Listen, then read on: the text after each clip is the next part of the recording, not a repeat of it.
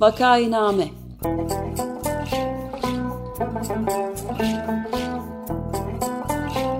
Salgın günlerinde memleket manzaraları. Hazırlayan ve sunanlar Güven Güzeldere ve Ömer Madra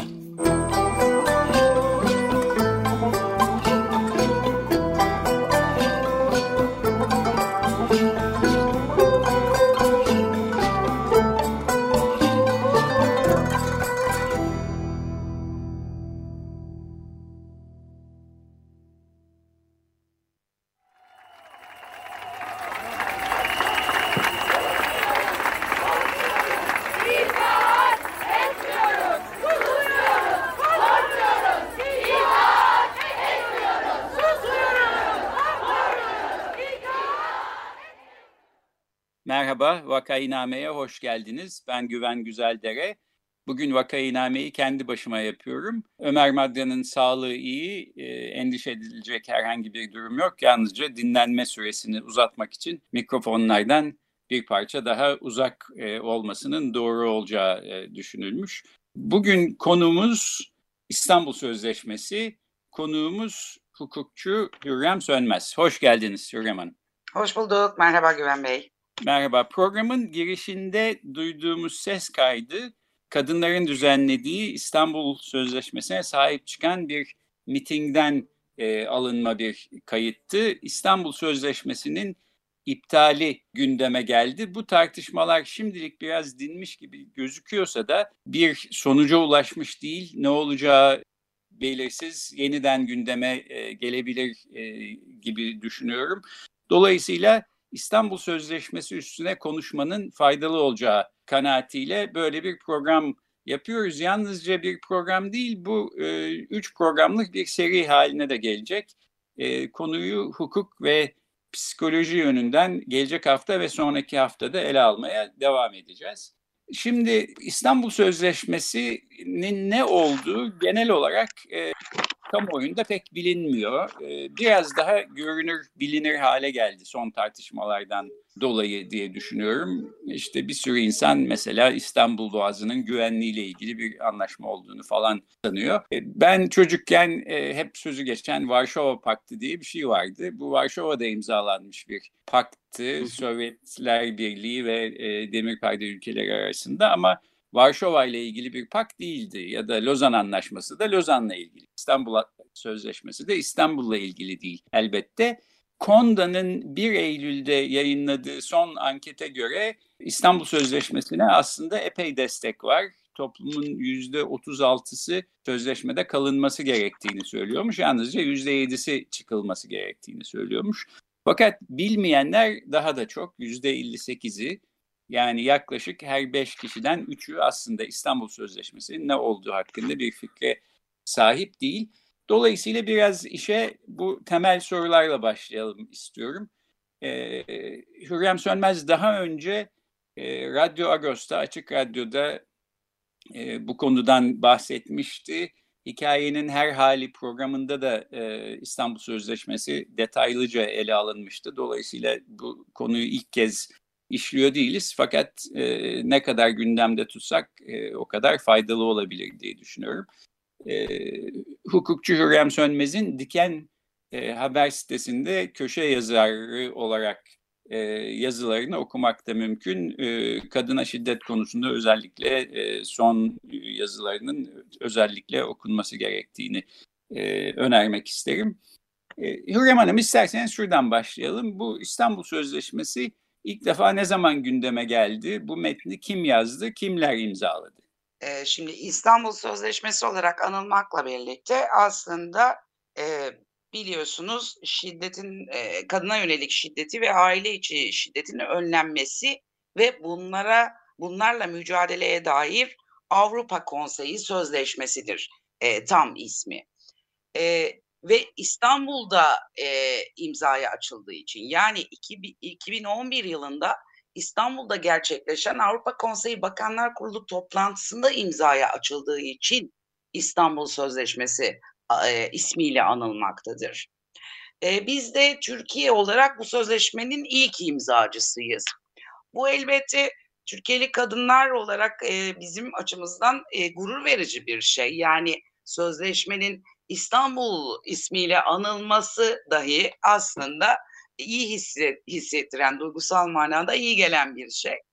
E, ama e, bu sadece bu şekilde sembolik bir durumda değil. Söylediğim gibi Türkiye bu sözleşmenin ilk imzacılarından biri. 2014 e, yılında da yürürlüğe girdi. E, çünkü biliyorsunuz uluslararası sözleşmeler imzalandıktan sonra iç hukuk düzenlemeleri çerçevesinde meclisten geçirilerek e, yürürlüğe girerler kanunla. E, dolayısıyla bizde o şeyin sürecin tamamlanması 2014 yılıdır. Şu anda e, son e, haliyle e, İstanbul Sözleşmesi'ne e, 45 ülke taraf. E, tabii bunlar arasında sözleşmede imzacı olup da e, hala yürürlüğe sokmamış olan ülkeler var. E, ve sözleşmenin e, düzenlenmesi sürecinde de kadınların, kadın örgütlerinin, sivil toplum kuruluşlarının e, çok önemli katkıları oldu. Yani Türkiye'den de kadın örgütleri bu anlamda çok e, katkı sundular. E, daha sonraki süreçte iki dönem Grevio başkanlığı yapan Feride Acar örneğin e, İstanbul Sözleşmesi'ne e, Türkiye'den e, katkıda bulunan ismi geçen e, kadınlardan biriydi. Ama e, zaten şunu söylüyoruz hep e, konuştuğumuz zaman e, ve katıldığımız programlarda çok önemli bir mücadelenin, çok yoğun bir mücadelenin neticesinde elde edilmiş bir kazanım İstanbul Sözleşmesi. O manada da elbette çok önemli bir temel hukuk belgesi bizim için. Evet ve e, İstanbul Sözleşmesi'nden çıkılsın filan e, şeklinde ısrarcı olan bir takım yazıların ortaya çıkmasıyla birlikte kadın hareketi de aslında sokağa inerek e, güçlü ve dişli bir hareket olduğunu gösterdi. Sözleşmeye sahip çıktı ve o yüzden de sözleşme hakkında ne yapılacağı şimdilik belirsiz gözüküyor. İktidarın önünde birkaç seçenek var gibi. Bir tanesi belki bu tartışma hiç olmamış gibi davranıp unutup kapatmak veya sözleşmeden tamamıyla çıkmak veya bazı maddelere şerh koymak ya da bunları değiştirmek. Fakat bu hukuksal olarak mümkün mü onu bilmiyorum. Onu size sormak istiyorum. Ama ondan önce belki şunu sorayım. Ee, İstanbul Sözleşmesi'ne bu kadar itiraz eden e, kesimin itirazının altında e, ne var? E, şimdi Güven Bey tabii buna çok net bir e, cevap verebilmek mümkün değil. Çünkü gerçekten de e, tutarlı e, bir takım tezlerin ortaya atıldığına pek rastlayamadık. İstanbul Sözleşmesi tartışılmaya başladığından bugüne kadar sözleşmeye karşı çıkan kesim e, işte bunun e, Türk aile yapısına zarar verdiğinden efendim toplumu eşcinselliğe yönlendirdiğine kadar bir takım e, ipe sapa gelmez diye tabir edeceğim af buyurursanız e, tanımlarla bugüne geldik biz. Dolayısıyla İstanbul Sözleşmesi, efendim ocaklar yıkan, e, aileleri dağıtan İstanbul Sözleşmesi olarak lanse edilirken bunun neden ve nereden kaynaklandığı konusunda e, bu muhalefet eden kesim tutarlı bir e, iddia ortaya atamadı. Fakat e, ne yazık ki bu sadece Türkiye'de böyle yaşanmadı. Yani siz de e, tahminimce biliyorsunuz şu anda başka bazı ülkelerde de İstanbul Sözleşmesi tartışma konusu yapılıyor. E, ve bu tartışmaların odağında aslında toplumsal cinsiyet kavramı yer alıyor. Çünkü İstanbul Sözleşmesi şunu öngörür. Toplumsal cinsiyet eşitsizliğini tartışmadan toplumsal cinsiyet eşitsizliğine e, yönelik bir şey e, bunu giderecek e, önlemler almadan e, kadına yönelik şiddetin, aile içi şiddetin önlenemeyeceğini savunur ve doğru da elbette bu. Fakat İstanbul Sözleşmesi'ni hedef tahtasına oturtanların ve e, Türkiye'de ya da örneğin Polonya'da sözleşmeyi tartışmaya açanların hareket noktası da aslında bu toplumsal cinsiyet mevzusu. Örneğin Polonya'da da işte muhafazakar Katolikler tarafından e, sözleşmeye ateş püskürülüyor. Çıkalım demelerinin nedeni o. E, ve aradaki din farkını bir kenara bıraktığınız takdirde söylemler son derece benzerlik gösteriyor. Çünkü orada da e, tıpkı bizdeki argümanlar gibi işte e, Katolik aile yapısına zarar verdiği, e, efendim kadınların e, kürtaja yönlendirdiği veya eşcinselliği özendirdiği gibi iddialar ileri sürülüyor. Dolayısıyla bizde de durum çok farklı değil. Fakat bunların aslında sözleşmede bir karşılığı da yok. Hatta tarihi yanlış hatırlamıyorsam 2018 yılında Avrupa Konseyi bununla ilgili bir açıklama yaptı ve açıklamasında da dedi ki İstanbul Sözleşmesi kadına yönelik şiddeti ve aile içi şiddeti önlemek gayesiyle kaleme alınmış bir hukuk metnidir, bir insan hakları belgesidir diye de açıklama yapmak durumunda kaldı. Evet ben de merak ettiğim için baştan sona bu sözleşmeyi okumak istedim. 34 sayfa öyle çok uzun bir metin değil. Üstelik son derece yumuşak terimlerle yazılmış bir metin. Ee, baştan sona okuduğum zaman da içinde e, herhangi bir mesela eşcinsellik kelimesi geçmiyor. E, yalnızca üçüncü maddede toplumsal cinsiyet, dördüncü maddede de cinsel yönelim e, terimleri geçiyor ve bu terimler bile e, işte bütün bu itirazların temelini oluşturuyor gibi. Ee, örneğin siz de biliyorsunuz Türkiye Düşünce Platformu diye bir platform var. Memleketimizin en mümtaz düşünürleri bir araya gelmişler. Ee, Hayrettin Karaman, Abdullah Dilipak filan gibi insanlar. Bunlar bu İstanbul Sözleşmesi'nden çıkılması çıkılması gerektiğini anlatan uzun bir rapor e, yazıp Cumhurbaşkanı'na sunmuşlar. E, benzer şeyler söylüyorlar. E, Yeni Şafak gazetesinden Yusuf Kaplan sürekli yazıyor. E, şöyle bir iddiaları var.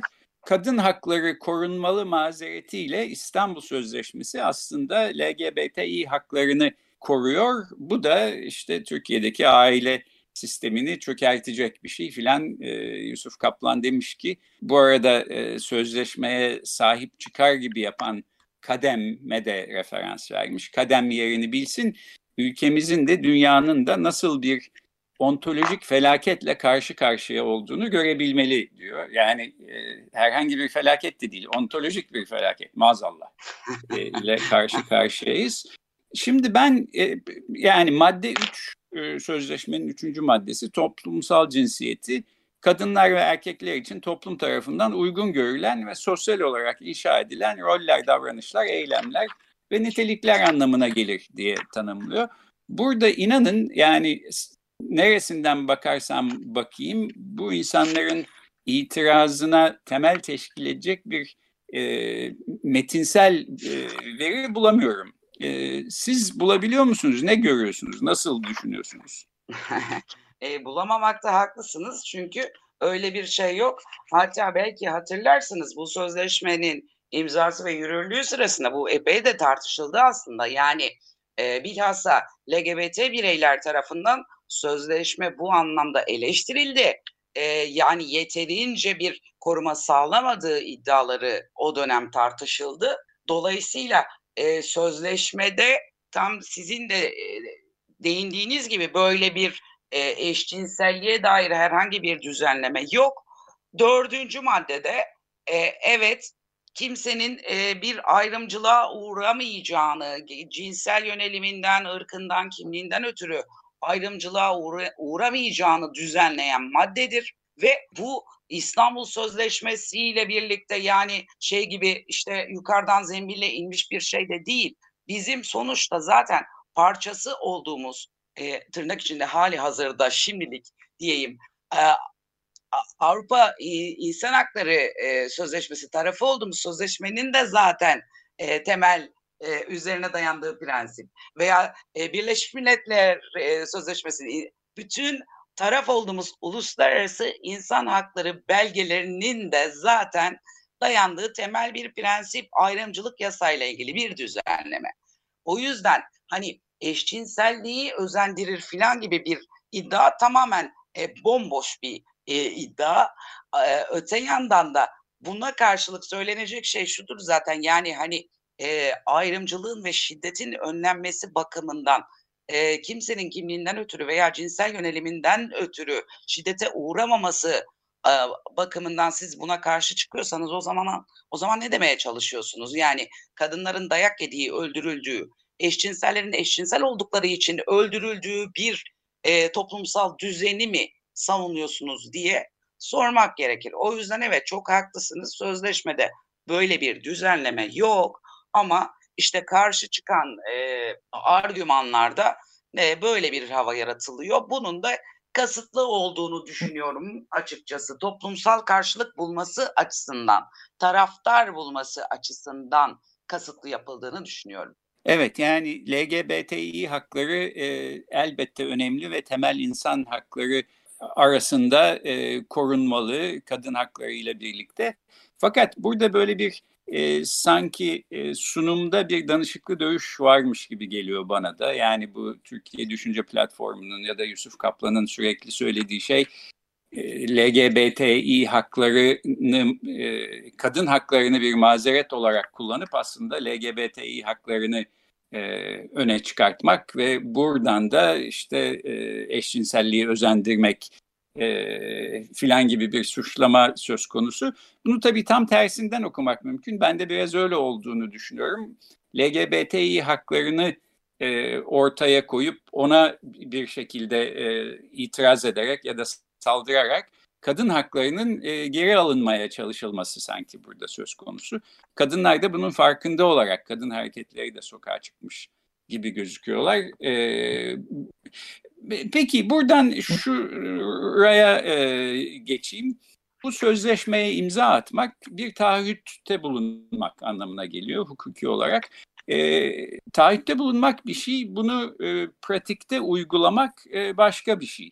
E, sözleşmenin imzalandıktan sonra uygulama aşamasında Türkiye'deki genel durumu hakkında bir e, siz de bir hukukçu olarak bir değerlendirme yapar mısınız? Tabii şimdi İstanbul Sözleşmesi'nin e, iyi taraflarından biri şudur. Bir denetim mekanizması öngörür. Biraz önce sözünü ettiğim e, Grevio işte bu e, raporlama, denetim, sözleşmenin ne kadar hayata geçirildiğini inceleyen e, yapıdır. E, Türkiye ile ilgili 2017'de e, yanlış hatırlamıyorsam bir rapor yayınladı. Grevio Türkiye'ye ilişkin ilk raporunu 2017'de yayınladı ve burada e, olumlu adımları e, şey e, takdir etmek işte e, olumlu olan adımlar bakımından e, olumlu bir kanaat belirtti. Fakat eksiklik, eksiklikleri de e, altını çizdi. Yani e, işte örneğin e, şiddet mağduru kadınların yargıya erişimi konusundaki sıkıntılara değiniyordu veya işte kadınların ekonomik bağımsızlığı anlamında e, bir e, şey olduğunu, sıkıntı olduğunu e, söylüyordu bu rapor. Çünkü tabii burada şunu söylemek gerekiyor. Yani İstanbul Sözleşmesi devlete bir takım yatay ve dikey yükümlülükler yükleyen bir sözleşme. Bir takım kurumları hayata geçirmesi yükümlülüğü yükleyen. Örneğin işte kadın sığınma evlerinin yeter sayıda olması gerekiyor sizin İstanbul Sözleşmesi'ne taraf bir devlet olarak. Ee, yani şiddetin önlenmesi, mağdurların korunması ve adalete teslim edilmesi gibi üç ana e, yapı üstünde bunun oluştuğunu söylemek icap eder. Dolayısıyla bizim son zamanlarda tanık olduğumuz şey nedir? Yani bakın e, siz de tahminimce biliyorsunuz 2019 yılında Türkiye'de bildiğimiz sayı bu. Kadın cinayetlerini durduracağız platformunun 474 kadın öldürüldü. E, bu yıla gelelim yani şu e, zamana kadar 8. ay 9. aya kadar e, yine kayıtlara geçen bildiğimiz 285 kadın cinayeti ve her gün kadınların cinsel saldırıya uğradığını, çocukların cinsel manada istismar edildiğini e, gördüğümüz haberlerle karşı karşıyayız. Dolayısıyla İstanbul Sözleşmesi yürürlükte olduğu halde tablo böyleyken Türkiye eğer sözleşmeden çekilirse ve, e, ve sözleşme artık yürürlükte olmazsa ne olacağını açıkçası ben e, tahayyül dahi edemiyorum. Yani kadınların e, çok şiddetli tepki gösteriyor olmasının da en temel nedeni budur.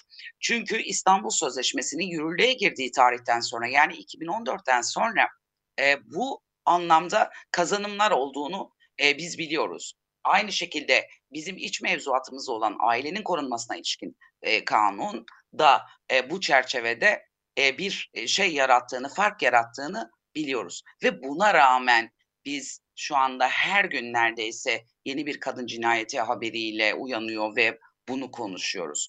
Dolayısıyla hani sözleşmeye tarafken böyle oluyorsa sözleşmeden çekilmesi halinde ne olur onu düşünmek istemiyoruz. Evet yani uygulamada pek çok aksaklık olduğu halde bile e, böyle bir taahhüt altında bulunması Türkiye'nin hukuken e, önemli. Bu taahhütten vazgeçiyorum e, demiş olması da elbette önemli bir fark yaratacak. Şimdi tabii bu sözleşmeyi imzalayan insanlarla bugün işte biz sözleşmenin şurasına karşı çıkıyoruz, istemiyoruz, belki şerh koyacağız ya da değiştireceğiz, çıkabiliriz de filan diyen insanlar tamamıyla aynı insanlar. Dolayısıyla e, bu sözleşmeyi o zaman okumamışlar mıydı, e, ne değişti filan belki bunu sorma hakkımız var. Fakat ben e, onu sormak yerine hukuksal olarak hangi seçenekler e, masada onu sorayım. Örneğin uluslararası bir sözleşmenin bazı maddelerine şerh koymak ne demek? Mümkün mü? Ya da o da maddeleri değiştirmek mümkün mü? Yani bu sözleşmeye imza atmış pek çok ülke var. Siz diyeceksiniz ki ben de buna imza atmıştım ama şu maddelerini artık kabul etmiyorum. Kalanına ta taahhüt, e, kalanı için e, taahhütümü değiştiriyorum. Hukuken böyle bir şey mümkün mü? Yani evet çekince koymak mümkün. Aynı aynı şekilde sözleşmeden tamamen e, çekilmek de mümkün.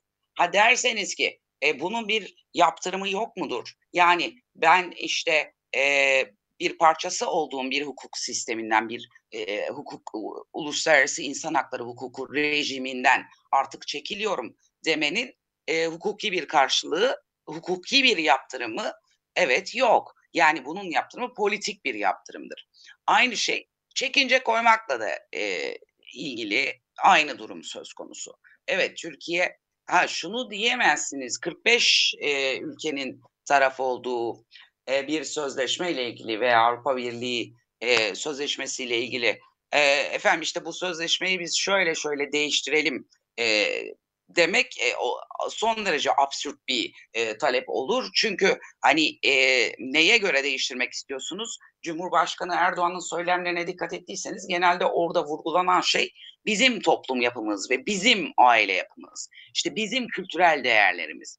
E, dolayısıyla şimdi siz 45 ülkenin taraf olduğu bir sözleşmeyi efendim ben kendi kültürel değerlerime göre, kendi e, aile e, yapısı, anlayışıma göre, Türk aile yapısına göre değiştirmek istiyorum e, demek e, bizi son derece gülünç duruma düşürür. E, ama e, tabii ki şey mümkün. Yani bizim bazı maddelere biz e, çekince koyuyoruz ya da bu sözleşmeden tamamen e, çekiliyoruz e, demek mümkün. E, dediğim gibi bunun da e, yaptırımı ancak politik bir yaptırımdır. Yani sizin parçası olmayı hani biraz önce dediniz ya işte bu sözleşmeye imza atanlarla bugün sözleşmeden çekilmemiz gerektiğini savunanlar aynı kişiler.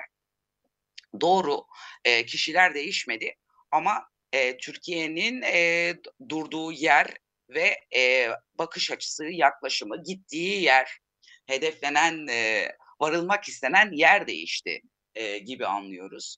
E, dolayısıyla e, bunun e, karşılığı da e, politik bir karşılıktır. Yani biz artık e, bu zamana kadar parçası olmaya çalıştığımız veya parçası olmayı arzu ettiğimiz bu insan hakları e, düzleminden uzaş, uzaklaşmak istiyoruz gibi bir iradedir orada ortaya konan. Evet, kuşkusuz öyle ve maalesef de öyle. Ee, siz e, kadın hakları konusunda aktif bir hukukçusunuz. Programı kapatırken ben yine son sözü size bıraksam İstanbul Sözleşmesi bağlamında e, söylemek istediğiniz e, son birkaç cümle varsa onları alsak. E, tabii şimdi dünyadaki bölünme e, sınıfsal bir bölünme olsa da ilk eşitsizlik e, kadın ve erkek arasındaki eşitsizliktir. Yani İstanbul Sözleşmesi'nin zaten e, bu toplumsal cinsiyet üzerinden hareket ediyor ve bu eşitsizlikler giderilmediği müddetçe şiddetin e, devam edeceğini e, ortaya koyuyor olmasının sebebi bu. Ve şu anda e, Türkiye'de de dünyanın başka başka yerlerinde de kadın muhalefetinin ne kadar e, güçlü olduğunu görüyoruz. Yani Sudan'da işte diktatör devrilirken sembolleşen kadını görüyoruz. E, göçmenleri kurtaran e, kaptan, Alman kaptanı görüyoruz. E, biraz daha geriye gidelim Filistin'le ilgili mektup yazan Rachel Corrie'yi görüyoruz. Dolayısıyla bu bitmeyecek. Evet dünya sadece Türkiye değil dayatılmak istenen e, muhafazakar değerlere, muhafazakar ahlaka karşı kadınlar sesini yükseltmeye devam edecek ve baskı ne kadar şiddetli gelirse ona yönelik tepki de o kadar şiddetli oluyor. E, görüyorsunuz biz hani geçtiğimiz yılı e, yıla damgasını vuran şeyler bunlardı. Lastesis'ti, işte o Alman kaptanlığı Türkiye'deki sokaktaki kadınlardı. E, o yüzden bu mücadele evet devam edecek. İktidarlar iktidarlarını sürdürmek adına e, bu baskıyı e, yükseltecekler buna da şüphem yok. Ama kadınların da buna karşı sessiz kalacağını düşünmüyorum. Evet peki çok teşekkür ederiz. Bugün hukukçu Hürrem Sönmez'le İstanbul Sözleşmesi üzerine konuştuk. Haftaya da hukuki açıdan bu meseleleri irdelemeye devam edeceğiz. Çok teşekkürler Hürrem Hanım. Ben teşekkür ederim. Çok teşekkürler. Görüşmek üzere. Hoşçakalın.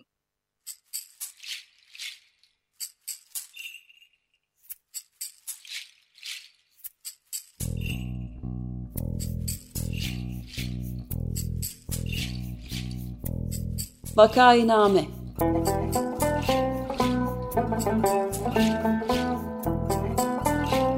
Salgın günlerinde memleket manzaraları Hazırlayan ve sunanlar Güven Güzeldere ve Ömer Madra